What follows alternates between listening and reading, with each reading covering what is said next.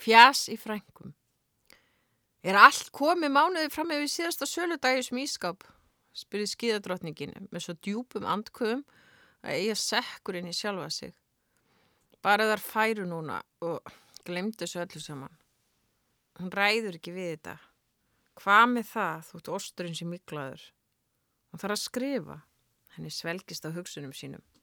Það myndi hlæja af þeim. Báðar útbeldar að kvenlegum gáfum. Ískikilega djúbu innsægi og markþættri reynslu hinnar einstæðu móður. Auðvitað myndu konurnar hí á hana eða er kæmist í stílabókin hennar. Hún er í þann mundar júka fæti til að brenna hana þegar það er stíga fram. Búin að skrúpa baðherbyggi í tvær klukkustundir samfleitt samt valla hálnaðar. Kaffi þorsti gerir vart við sig. Er hella vatni í hraðsuðu ketilinn til að hella upp á í ljósbláu kaffukönnunni með riðblettunum og taka andköfi við surri mjölkinni sem líkist ábristum. Brátt heyrist vatni sjóða.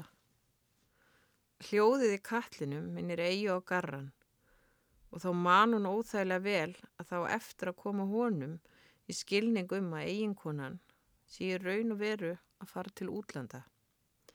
Hann verðist halda að hún var að grínast þannig gerkvöldi og henni fannst það bara ágætt. Þá treysti sér ekki stórraði. Frængurna ráfa millir herbyggja en lesa hugsanir hennar hinum með við veggin því nú spyr hún að kvælt er hún búin að segja kallinum að hún sé að fara? Hún hlýtur að vera búin að því, svara mamma. Já, hvað veit ég? Heldur hún sé ekki búin að því? Nú ég bara spyr, heyrist í rúnu og eiga finnur innvolsið herpast saman. Ég trú ekki öðru, segir mamma óörug.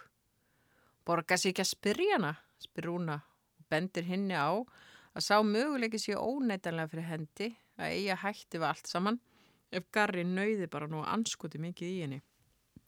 Heldur það, virkilega, stinu mamma. Ég held ekkert, ég vil bara vita, þusa rúna og snar þagnar. Hvað er síðan? Hver á allir þessi pilluglös? Nú hann, segir mamma. Hvernig veistu?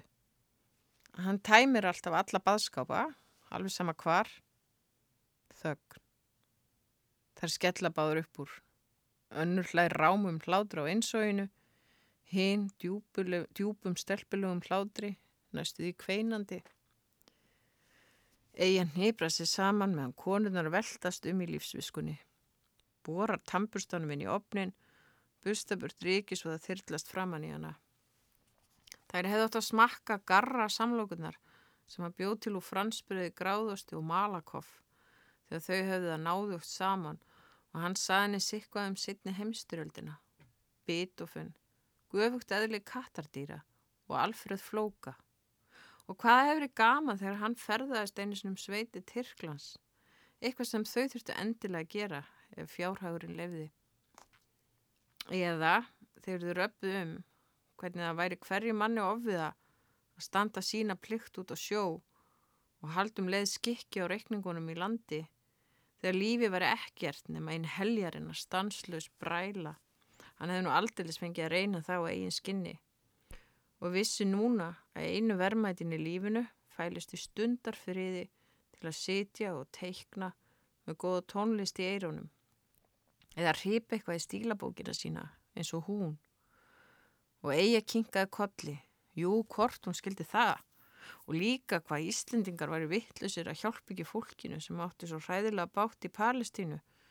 Sérstaklega eftir hún hafi sér blaðaúrklippur af limlestum varslíkum sem Garrin síndinni kjökrandi að þetta aldrei nokkuð maður og vondu við börn, búin að skvetta brennivín út í pilsnerinn sem þau drukku með fransbröðsamlokunum. Drykkurinn örfaði svo matalistin að hann bjóð til aðra samlokuhandinni og galdraði kitt katt upp úr úlpuvassanum, en það garrin sjálfnast að velta sér upp úr því hvort hún var í feitið að mjó.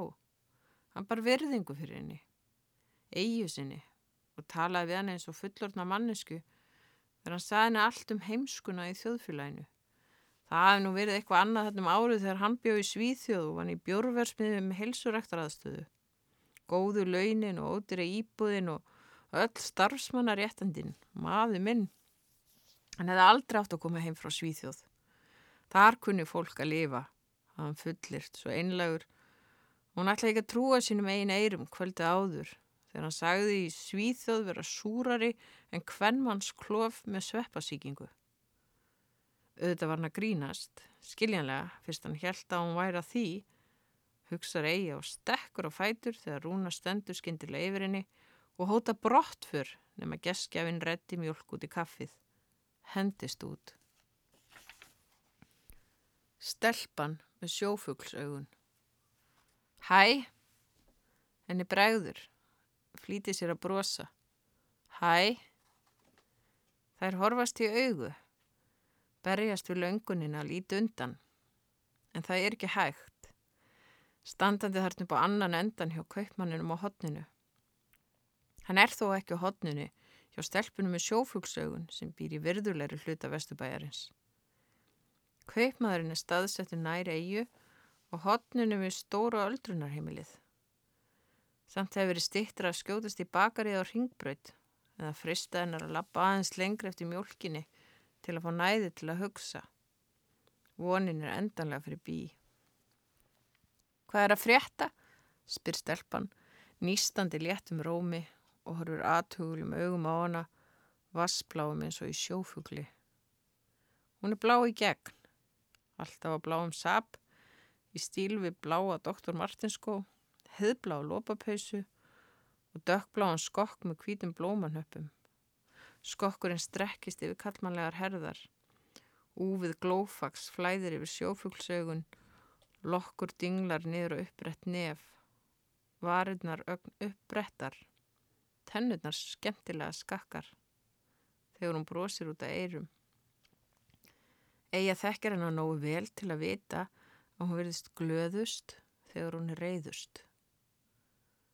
Er ráðlegt að segja henni að hún sé farin til svíðþjóðar Það myndi ábyggla að gleyðja hana. En til hvers? Akkur ætti hún að gleyðja hana sem hefur ekki látið í sér heyra mánuðum saman. Ekki að hún plataði hann í heimsöknu íbúðina sem fjölskyldan hennar rekur í bænum. Raunverulegt heimili fjölskyldunar er í þorpinu og eiga hefur oftar en einu sinni gert það að sínu. Síðast leitaði hún þanga þegar partilætin í vegavinnu skúrnum eruð óbærileg. Hann saman stóð á grænum bóksu með þunnum þiljum og hann undi sér þar fyrður lengi á samt þinu aðkomufólkinu sem kom í eftiröldum flóðsins. Reyndar hún fljótt að fólk í partíi er bærilegra en sirkjendur. Það liði ekki merki dagar að hún flúði þunga sorgina sem ringaði sér í hverju herbyggju húsins eins og kirkislanga á meldunni. Hún fór aftur í ráslaðulega skúrin þaðan til garrans. Það var þá sem stelpan með sjófuglsaugun reytist. En auðvitað brost hún, hlós og gjallandi hlátra hún söp kveljur þegar hann mættist á sjávargötunni við grjótflóðgarðin stutt eftir að þau garrin tóku saman. Vindurinn blés fram hann í hana þegar hún lift upp jakkabarðinu til að kveiki síkarettu og sagði Ég skil ekki að þú viljir heldur búa hjá honum en okkur. Nei, tuttaði ég á leit undan. Langaði að spyrja, hvað er þú að spá í það sem ert í háskóla fyrir sunnun og lungu hætt að tala við mig?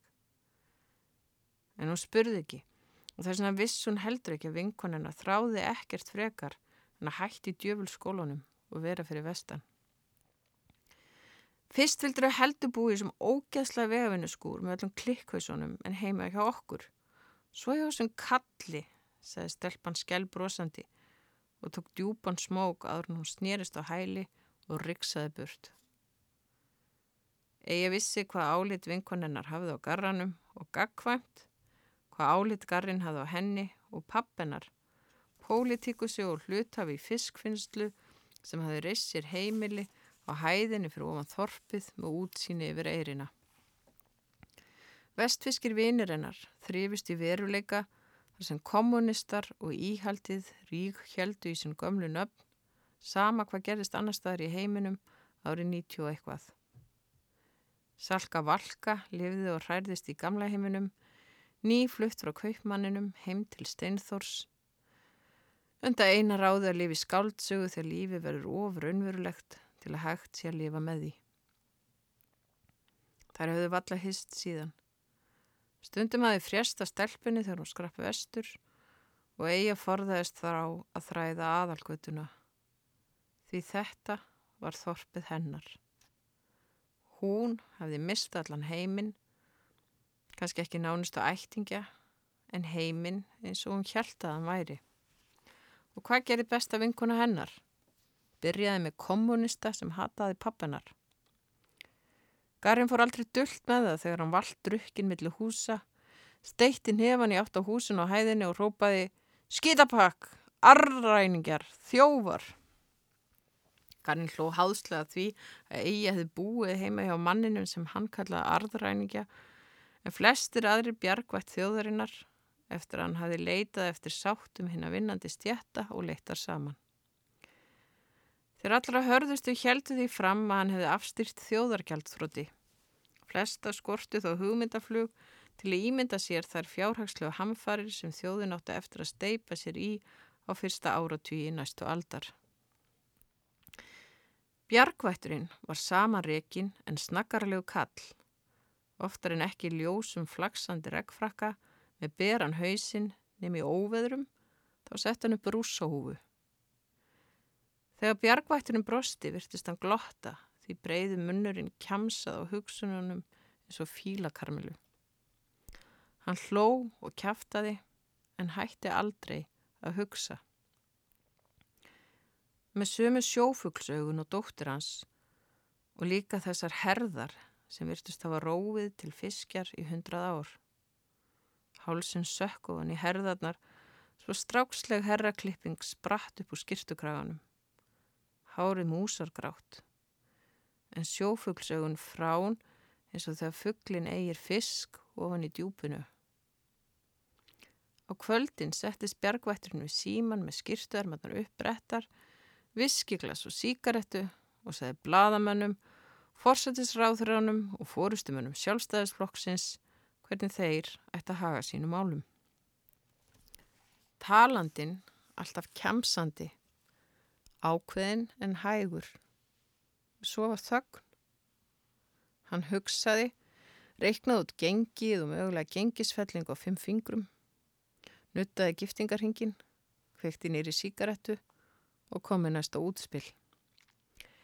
Ef mikil á við flög hann söður, Ef flugla á niðri, ringd hann í eina flugmannin sem flög í snar vittlusu veðri, skellt á sig rússahúni og borgóðunum fyrir að skjótast þetta með sig og helst aftur tilbaka að erindi loknu. Þó að það þýtti að þeir þyrst að ljúa flugumferðastjórunum þegar flugmaðurinn sagði bjargvættinum að sangvænt sínum útrekningum mætti alltaf finna glöfu, svipa á í útrekningum þjóðabúsins og bjargvætturinn samsyndi því, vanur að lesa í ströyma hagfræðinar eins og veðrið. Hann greip um rússóhúna þegar flugmaðurinn stímdi vélinni niður þá til hún slekti öldurnar og þeir smugu í gegn glöfuna inn fjörðin en hurfa af ratar svo menn klóruði sér í hausnum yfir tækjabúnaðinum í flugtörtununum. Heima kemsa hann á gamansögu sem flugmaðurinn hafi sagt honum og sopnaði síðan yfir sjónvarpinu. Fjölskyldan fekk veður af erendinu þegar einhver kveikti á morgunútvarpinu. Á sumrin var lítið mál að skjótast að fundi Reykjavík, síðan aftur, vestur, fyrir kvöldmatt. Heim í húsið á hæðinni þar sem sólinn virtist flæða yfir bakka sína þegar gistlarnir böðuðu veggina. Þá hjúfruðu vinkonurnar sig hvor upp að annari í rósóttum sófa og drukku flöskubjór, ákveðnar í að eigða vikukaupin á barnum og endi í eftirpartíi í næsta fyrði. Búnar að borða grillaðan lags með fjölskyldunni og stinga sér í sjóin inn í fyrði á síðsumarkvöldi og skræki við döðri kú sem hafi rapað að kletti niður í fjöru. Áður en stelpan með sjófuglsaugun reytist. Reyðin botlaus, brosið aldrei breyðara en nú. Ega lítur undan brosinu, augun flögur um búðina sem minnir á kaufélagi fyrir vestan. Hún veit að hverju stelpan fyrir þessa búð, en hvað er hún að vilja þarna? Komin á yfiráða sveiði stelpunar sem hatar hana fyrir að hafa látið eins og hauslös hæna eftir flóðið. Akkur er hún ekki búin að koma til að hugga hana? Stelpan þráir huggun, hún sem þurfti aldrei að hugga.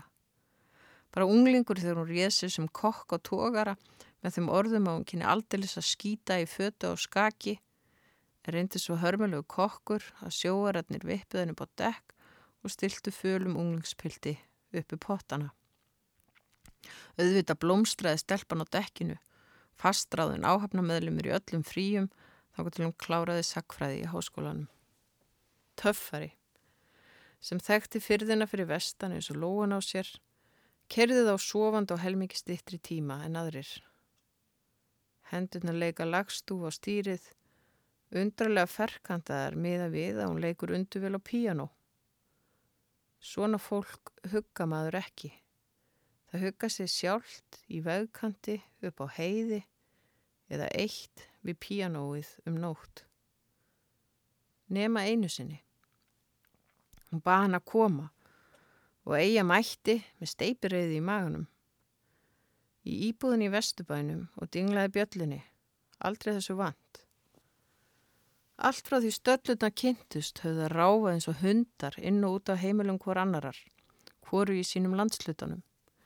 Eftir skilnaða númið tvö hafði vinkona gert sér líti fyrir og flutt inn til mömmu eigu. Hún hafði björgað mömmu frá því að missa vitið. Allt glitrandi eins og í æjaksauðlýsingu, unaðslegur ilmur á strauðum þvotti og nýlöguðu kaffi þegar ég kom heim á kvöldin.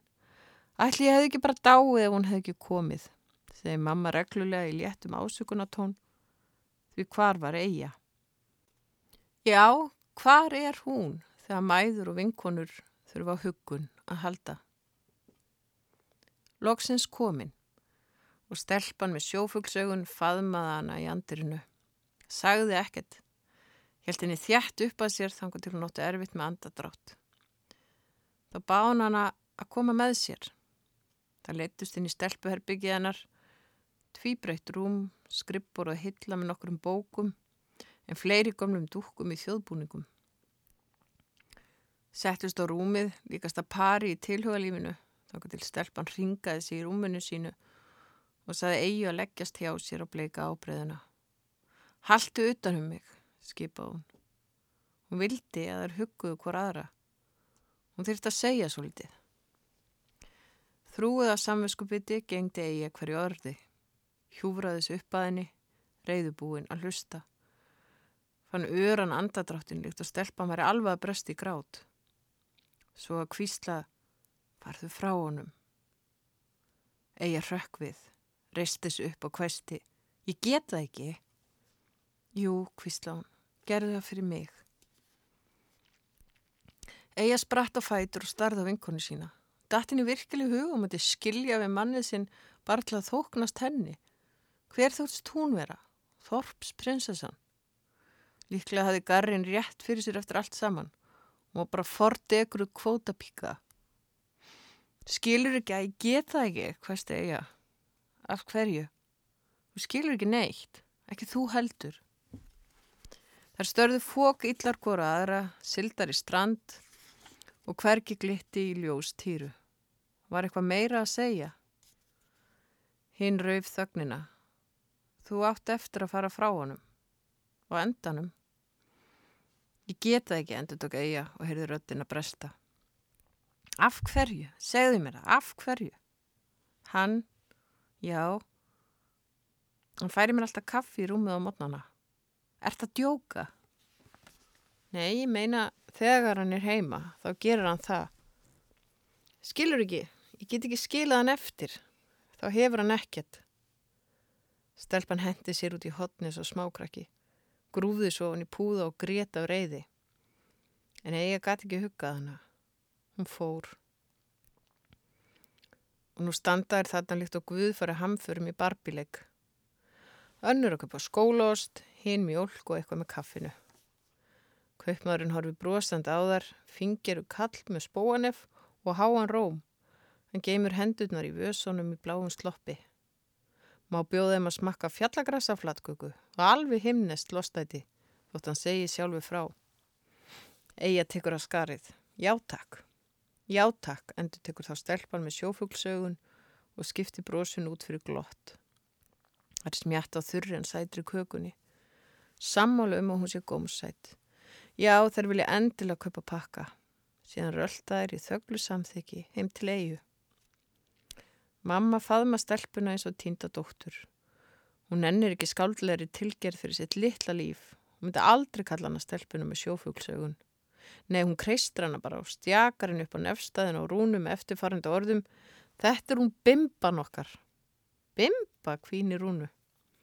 Já, dótti bjargvættarins. Hún bjargaði lífi mínu þegar ég skildi við hann, mannstu, þýska. Eða ránkólur augunum. Fyrr mánu vera. Nú enn eina ferðin að tönnlast að því hvernig hún bjargaði mömmuna frá bráðum bana með Ajax-brúsa. Rúna uppöðrast öll við að hitta annan ofvirkan vestfyrring. Það hefa valla liti hver aðra augum en það farið að skiptast á fréttum af Jónu og Gunnu sem það kannast báða við í hinum á þessum fjörðum.